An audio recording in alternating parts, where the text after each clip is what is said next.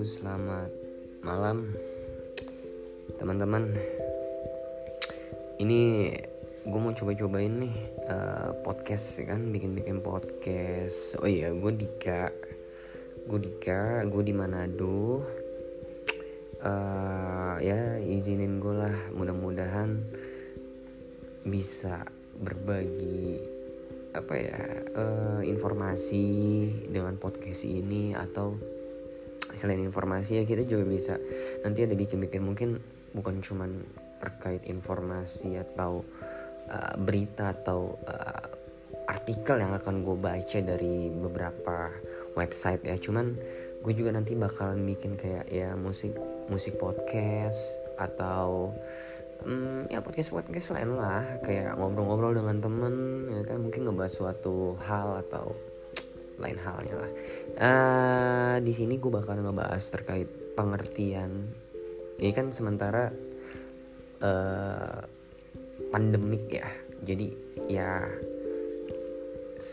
COVID-19 ini kan memang dari tahun 2019 ya Desember 2019 dan akhirnya ke Indonesia ya sekitar Februari lah baru memuncak atau meledaknya di Indonesia cuman gini teman-teman uh, kita sebelum membahas itu mungkin kayaknya di podcast ini ku bakalan uh, ngebahas dengan uh, yang namanya perbedaan mungkin ya perbedaan antara penyakit endemik atau pandemik. Nah, di sini gue bakal ngebahas dulu nih yang paling pertama nih penyakit endemik nih ya. Pengertian dari penyakit endemik. Mungkin teman-teman juga nggak ada yang tahu kan pandemik itu apa. Mungkin tahu atau ya mungkin uh, sebagian kecil kali ya. Mungkin ada yang nggak ngerti dan di sini gue bakal memperjelas artian dari semua itu gitu dari endemik dan pandemik. Pengertian dari penyakit endemik dan jenis yang masih ada di Indonesia ya. Ini ada dari uh, artikel ya, ada satu artikel dari sebuah artikel dari sehatq, uh, sehatq.com. Oke. Di sini endemik itu adalah suatu keadaan yang muncul ketika penyebaran penyakit hanya terjadi pada suatu area tertentu dalam jangka waktu lama dan konstan ya di Indonesia masih ada beberapa penyakit endemik yang bertahan di antaranya DBD, malaria, dan kaki gajah. Jadi masyarakat Indonesia ternyata masih harus berhadapan dengan berbagai jenis infeksi dan penyakit. Ada beberapa penyakit yang sampai saat ini tuh masih menjadi ciri khas di negara kita ini ya. Penyakit-penyakit ini tuh dinamain penyakit endemik, guys Penyakit endemik adalah penyakit yang terus-menerus ada di suatu daerah tertentu dan tidak menyebar dengan cepat ke daerah lainnya. Nah, itu beda beda dengan pandemik ya. Jadi kalau endemik itu tuh cuman iya di daerah tertentu aja gitu dan nggak nggak cepat menyebar lah ke daerah lain gitu. Nah contoh penyakitnya itu kalau di Indonesia itu malaria, demam berdarah hingga kaki gajah itu tuh masih ada tuh guys di beberapa daerah. Selain ketiga penyakit itu ternyata masih ada juga nih beberapa penyakit lain yang masih betah nih bertahan di Indonesia dan pandemik dan menjadi endemik ya dan menjadi endemik. Kalian juga harus tahu guys bahwa istilah endemik tidak bisa disamakan dengan epidemik apalagi pandemik. Karena perbedaan antara endemik, epidemik dan pandemik itu itu dalam proses penyebaran suatu penyakitnya. Ada beberapa tingkatan yang akan dilalui. Bisa saja penyakit endemik itu berkembang menjadi epidemik. Lalu jika penyebarannya meluas hingga ke seluruh dunia, kondisinya akan menjadi pandemik, guys. Jadi pandemik itu tuh jadi menyeluruh ya. Jika penanganan pandemik atau epidemik dilakukan dengan baik, mungkin kondisi ini itu bisa kembali menjadi penyakit endemik yang sebelumnya akan menghilang sama sekali. Masih bingung kan? Jadi gini penjelasannya nih untuk kalian nih guys. Endemik itu penyakit endemik muncul di suatu area tertentu dan tidak menyebar ke area lain dengan cepat. Penyakit endemik ini kemunculannya terjadi secara konstan dan bisa diprediksi guys. Contoh penyakit endemik adalah malaria tuh kalau di Papua atau DBD yang dialami berbagai provinsi eh, di negara kita ya saat musim hujan tiba biasanya karena itu nyamuk-nyamuk kan demam berdarah. Jumlah penderita penyakit endemik juga biasanya nggak akan terlalu jauh berbeda dari tahun ke tahun guys.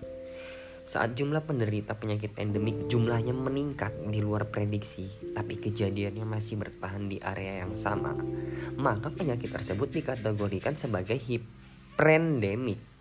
Hiperendemik, hyperendemik, ya hiperendemik lah.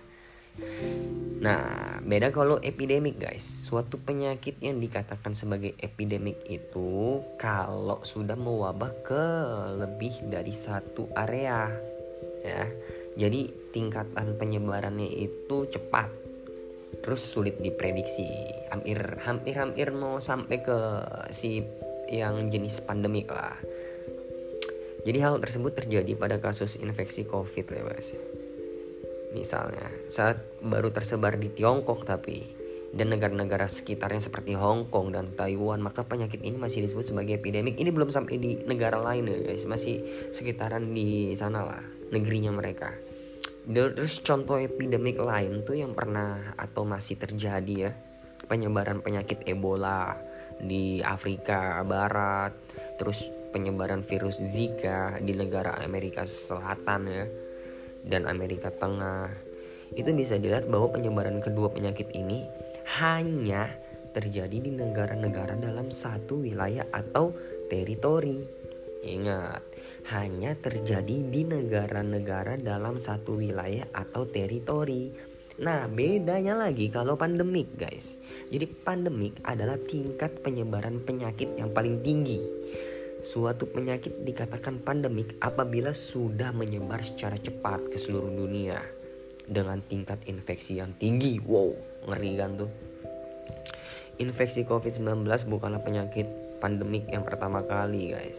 Sebelum ini di dunia ini tuh sudah melewati beberapa pandemi kayak flu babi akibat virus H1N1 eh, pada 2009 ya H1N1 ya uh, pada 2009 waktu itu tuh flu babi menginfeksi kurang lebih 1,4 miliar orang di seluruh dunia dan membuat ratusan ribu orang meninggal dunia. Oh ngeri gak tuh guys?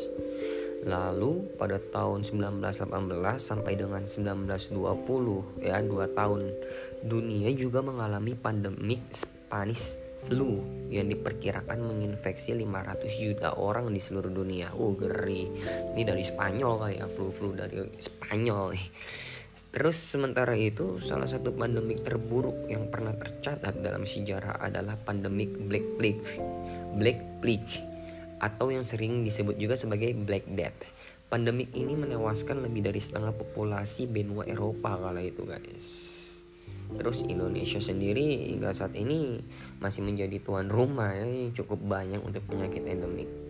Setiap tahunnya angka infeksi penyakit ini tuh tergolong konstan. Namun ada beberapa kejadian yang mencatatkan peningkatan jumlah penderita. Nah berikut beberapa penyakit nih guys yang akan gue uh, ceritain nih yang gue bakal informasiin yang masuk sebagai kategori endemik di Indonesia ya ini tuh demam berdarah. Ini tuh setiap tahunnya pasien DBD ini tuh nggak pernah absen mengunjungi rumah sakit di Indonesia ya terutama waktu musim hujan. Penyakit yang disebar ini oleh nyamuk Aedes aegypti ya memang masih menjadi langganan endemik di beberapa negara Asia Tenggara. Diperkirakan sekitar 50 sampai 100 juta orang sudah terinfeksi virus Dinwich atau ya DBD Selain bisa menyebabkan DBD, virus ini juga bisa menyebabkan terjadinya yellow fever dan inf infeksi virus Zika. Virus ini juga membuat sekitar 500 ribuan orang ya menjalani rawat inap di rumah sakit setiap tahun di seluruh dunia. Di Indonesia sendiri, upaya untuk menekan angka infeksi DBD terus dilakukan dengan kampanye 3M plus dengan menutup tempat penampungan air itu kan banyak kalau penampungan air kan nyamuk-nyamuk suka tuh di situ. Terus mengurak menguras bak kamar mandi dan mendaur ulang barang bekal serta menghindari gigitan nyamuk. Nah, selain itu pengasapan atau fogging untuk mengusir nyamuk demam berdarah ya itu bisa juga dilakukan. Nah yang kedua ya guys dari uh, kategori endemik di Indonesia itu rabies. Rabies ini penyakit endemik juga nih terutama di Pulau Bali dan NTT ya Nusa Tenggara Timur. Dua provinsi ini mengalami wabah rabies pada tahun 2008 sampai 2010 rabies ini penyakit yang sangat berbahaya dan umumnya disebabkan oleh gigitan anjing liar wah bahaya nih. Apalagi kalau di Manado banyak anjing nih. Ya semoga aja anjingnya nggak liar-liar lah ya. Terus ya, sehat-sehat bersih-bersih dari rabies lah binatang seperti kelawar rubah juga bisa buat manusia tertular rabies. Orang yang terinfeksi rabies juga kan ngalamin gejala nih kayak demam, mual, sulit menelan, banyak mengeluarkan air liur, insomnia hingga lumpuh. Sebagian, nah, lumpuh sebagian. Bukannya lu kalian itu jadi uh, apa? Jadi kayak misalnya digigit anjing terus tiba-tiba lidah kita tuh kayak yang kayak perlakuannya kayak anjing gitu itu enggak tuh guys itu itu hoax itu terus lidah yang lidahnya tuh keluar tuh air liur ya gitu enggak ya sama kayak anjing gitu enggak enggak itu enggak benar itu rata-rata sih kasus rabies ini berakhir dengan kematian meski begitu saat ini sudah tersedia vaksin rabies ya yang bisa didapetin secara bebas dan dinilai efektif untuk mencegah penularan terus yang ketiga nih ada hepatitis A nah ini juga masih dalam penyakit kategori endemik lah di Indonesia. Penyakit akibat virus dengan nama yang sama ini ditularkan melalui makanan yang terkontaminasi. Sanitasi yang buruk juga menjadi salah satu penyebab utama penyakit ini bisa menyebar.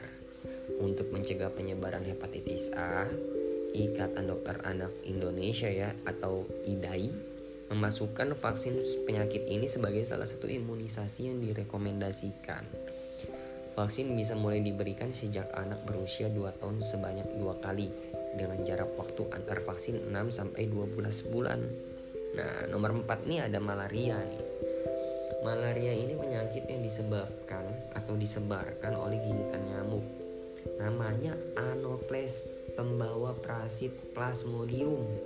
Di beberapa daerah di Indonesia malaria masih menjadi endemik sih kayak parasitnya ini nih menyebabkan malaria akan masuk ke hati tubuh individu yang digigit nyamuk dan berkembang di sana. Lalu setelah membesar, parasit akan masuk ke aliran darah dan menyebabkan berbagai gangguan pada sel darah merah. Wah, ngeri gak tuh guys? Nah, terus ada lagi nih selain itu pasti pernah dengar juga nih kaki gajah nih yang kelima. Kaki gajah atau filariasis. Eh gimana?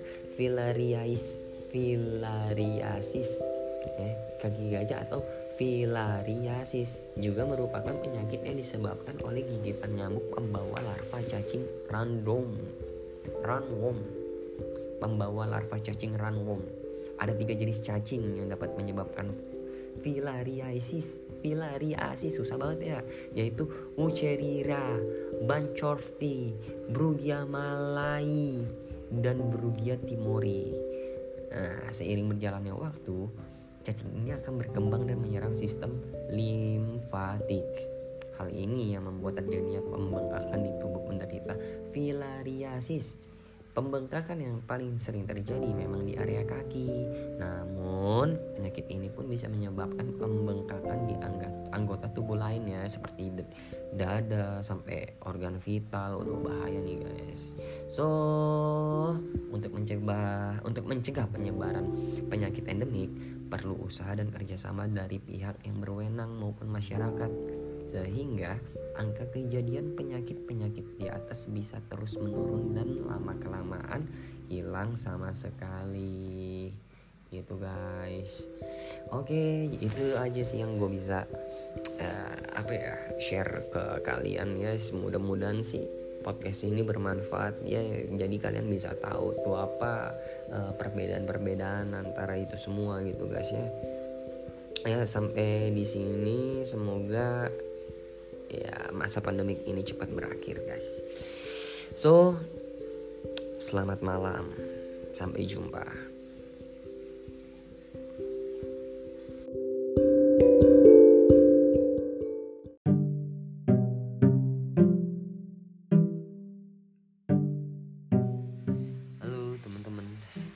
podcast kedua dalam episode pandemik by Dika Doktrin ya. Tentunya itu gue sendiri. Di sini gue udah uh, gue mau ngebahas uh, masih dengan pandemik ya. Ya yang sekarang terjadi itu khususnya pandemi COVID-19 ini. Ini gue ada baca sih dari uh, kompas.com ini ada kan mungkin beberapa negara lain itu juga uh, ya banyak yang ngalamin lah.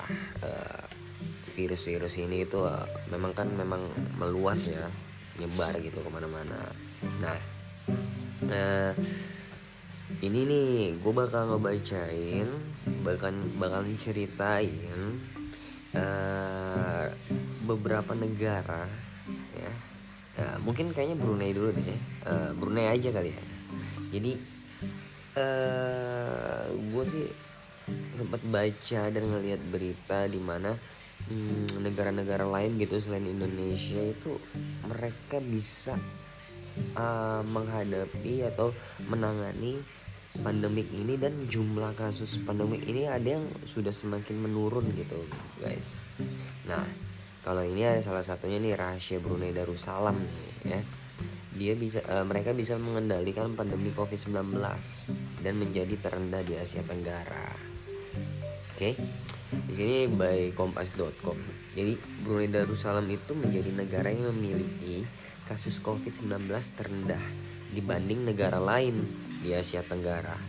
Berdasarkan data dari World Dometers, Sabtu ya 17 Juli 2021 pukul 16.00 waktu Indonesia Barat atau waktu uh, 17.00 waktu Indonesia Timur. Brunei Darussalam baru mencatatkan 283 kasus COVID-19 sepanjang pandemi berlangsung. Dari jumlah itu, korban meninggal hanya tiga orang dan 260 orang lainnya dinyatakan sembuh. Gila guys. Tiga orang dan 260 orang lainnya dinyatakan sembuh. Bayangin jumlah orang yang bisa sembuh itu lebih banyak dibanding jumlah kematian negara negara Brunei ini tuh menjadi contoh dari kesiapsiagaan, perhatian, dan kepedulian terhadap warga, termasuk warga negara asing dan wisatawan. Memang keren banget sih, karena pemerintah di sana tuh transparan. Jadi mengutip The Asian Post, saat COVID-19 pertama terdeteksi pada 9 Maret 2020. Di negara tersebut, Sultan Brunei Darussalam langsung mengambil tindakan tegas. Kasus pertama dialami seorang pria berusia 53 tahun. Dari kasus awal itu, jumlah kasus baru melonjak melewati angka 135 dalam beberapa hari. Menteri Kesehatan Brunei, Dr. Haji Muhammad Isam, mengatakan kunci penanganannya adalah dengan transparan dan tidak berusaha menekan atau menyembunyikan kasus berita apa pun. Setelah terbuka dengan rakyat, Kementerian Kesehatan pun berhasil meyakinkan warga Brunei bahwa semuanya terkendali. Pemerintah juga melakukan tes acak gratis bagi para pekerja migran. Nah, itu keren sih kalau menurut gua. eh salah maksudnya gimana ya? Mereka tuh sama seperti negara lain ya Brunei juga melarang itu warganya berpergian. Adanya pembatasan pertemuan publik dan meminta orang untuk bekerja di rumah gitu guys. Masjid tempat ibadah lain itu ditutup pemilik toko diminta untuk mempraktikkan protokol kesehatan untuk mencegah penularan komunitas. Jadi yang kedua ya setelah uh, pemerintahnya transparan menjamin kebutuhan warga. Nah ini yang harus digaris bawah ini hal penting itu itu hal penting gitu. Jadi hal pentingnya itu pemerintah harus memastikan bahwa warganya itu nggak nggak kekurangan barang-barang kebutuhan penting selama pandemi ya iyalah. Benar gak sih? Kan sekarang ini tuh pem, uh, warga itu kalau disuruh ppkm mau nggak masalah. Cuma ya minimal ada bansos lah. Sama kayak kalau di sini tuh kalau misalnya gue lihat percakapannya dokter Tirta gitu. Kan selaku uh, apa ya dari Kemenkes lah. Untuk yang COVID-19 untuk yang pandemik lah. Itu gue setuju banget tuh dokter Tirta bilang. Ya nggak masalah. Uh, masyarakat mau kalau emang harus ppkm cuman yang si apa ya yang pedagang-pedagang kecil yang usaha-usaha kecil. Mereka tuh yang anaknya lima tiga. Itu masa bansos gue dengar satu bulan itu tiga ratus ribu. Berarti sama dengan sepuluh ribu satu hari.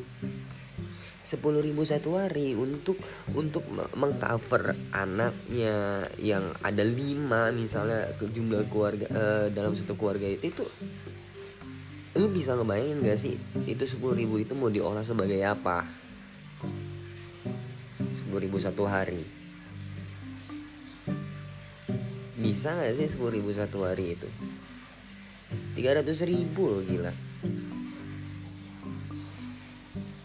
Nah jadi kalau di sana tuh pemerintah dan perbankan telah mencapai kesepakatan untuk menunda pembayaran pinjaman selama enam bulan di empat sektor yaitu pariwisata, perhotelan, dan manajemen acara restoran dan transportasi udara.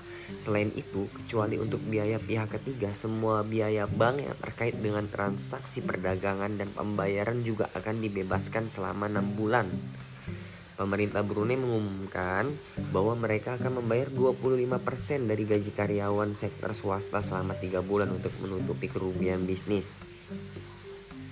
Jadi memang mereka mengcover itu.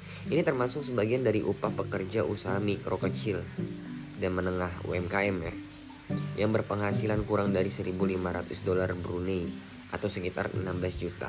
Pemerintah juga membebaskan sewa toko kecil dan warung makan. Jadi ada pengecualian mungkin.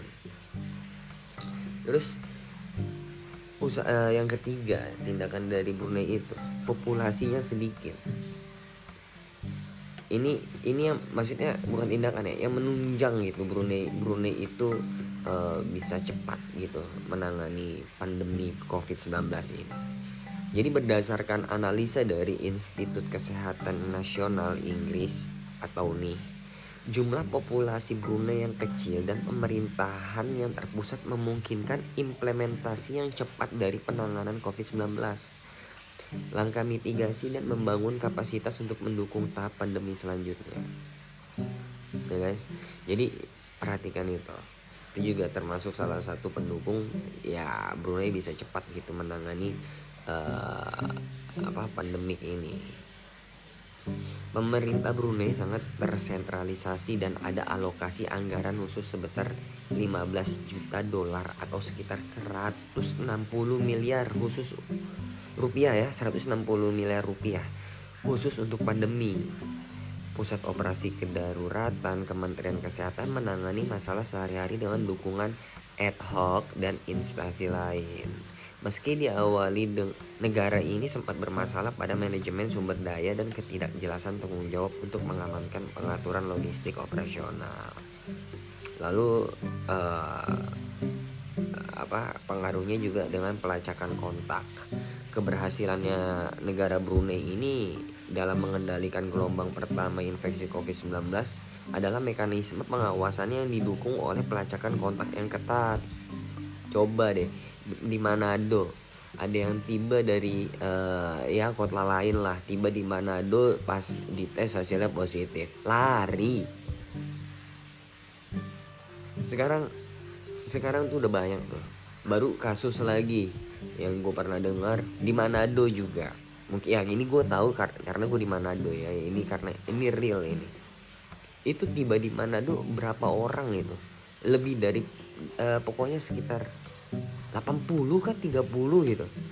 Uh, jumlah penumpang maskapai udara tiba di Manado itu hasilnya positif.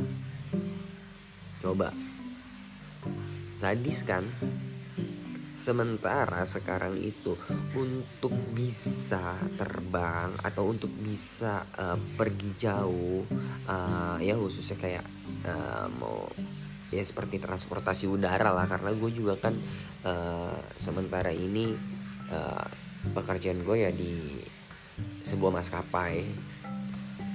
Ya pihak ketiga gue uh, ya gue uh, dengarlah berita atau wacana yang di mana uh, untuk persyaratan untuk penerbangan itu tuh ya pertama swab PCR dengan vaksinasi.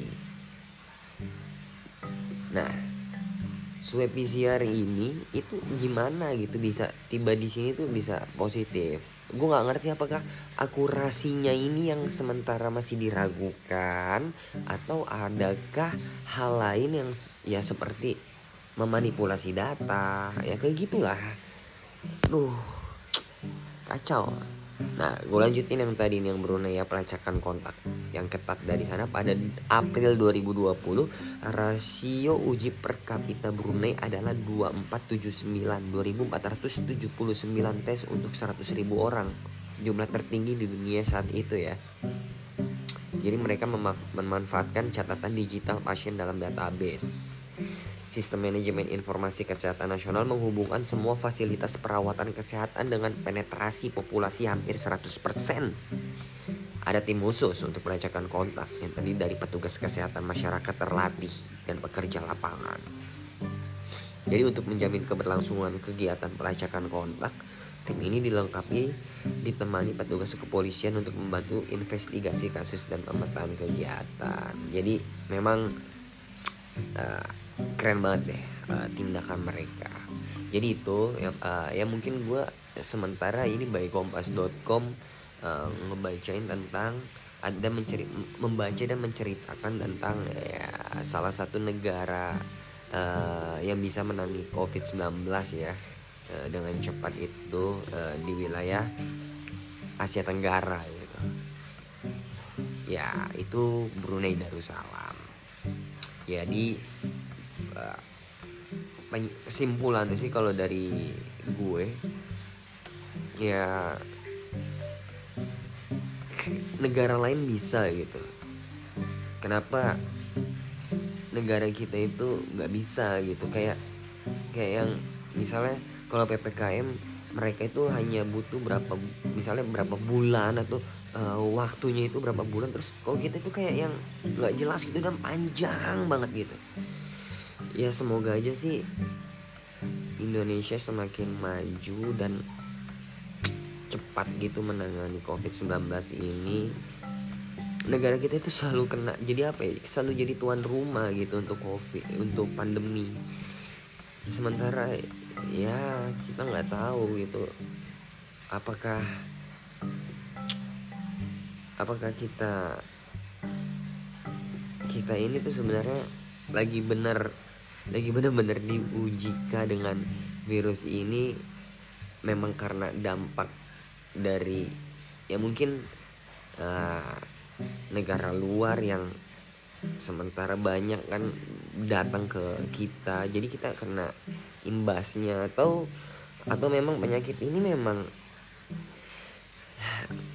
memang ada gitu dari awal di Indonesia jadi bukan dari bukan dari luar negeri atau dari mana kita memang kan orang yang pertama itu kan di di mana? Di Cina ya. Cina kan di di Cina ya. Cuman kan kita nggak tahu apakah apakah memang orang utamanya itu dia itu kan bukan dia yang waktu lalu itu ketahuan di 2019 itu. Di Desember 2019 jadi ya di rumah aja untuk sekarang. Selalu sehat olahraga ikutin protokol kesehatan uh, pakai masker terus uh, cuci tangan. Uh, kalau misalnya pulang ke rumah setelah beraktivitas dari luar mandi jaga jarak. Ya jangan keluar kalau tidak terlalu penting. Jadi uh, sehat selalu dan semoga pandemi ini cepat berlalu. Mari kita sama-sama berdoa dan mari kita sama-sama ikutin prokes uh, agar kita semua terhindar dari virus tersebut.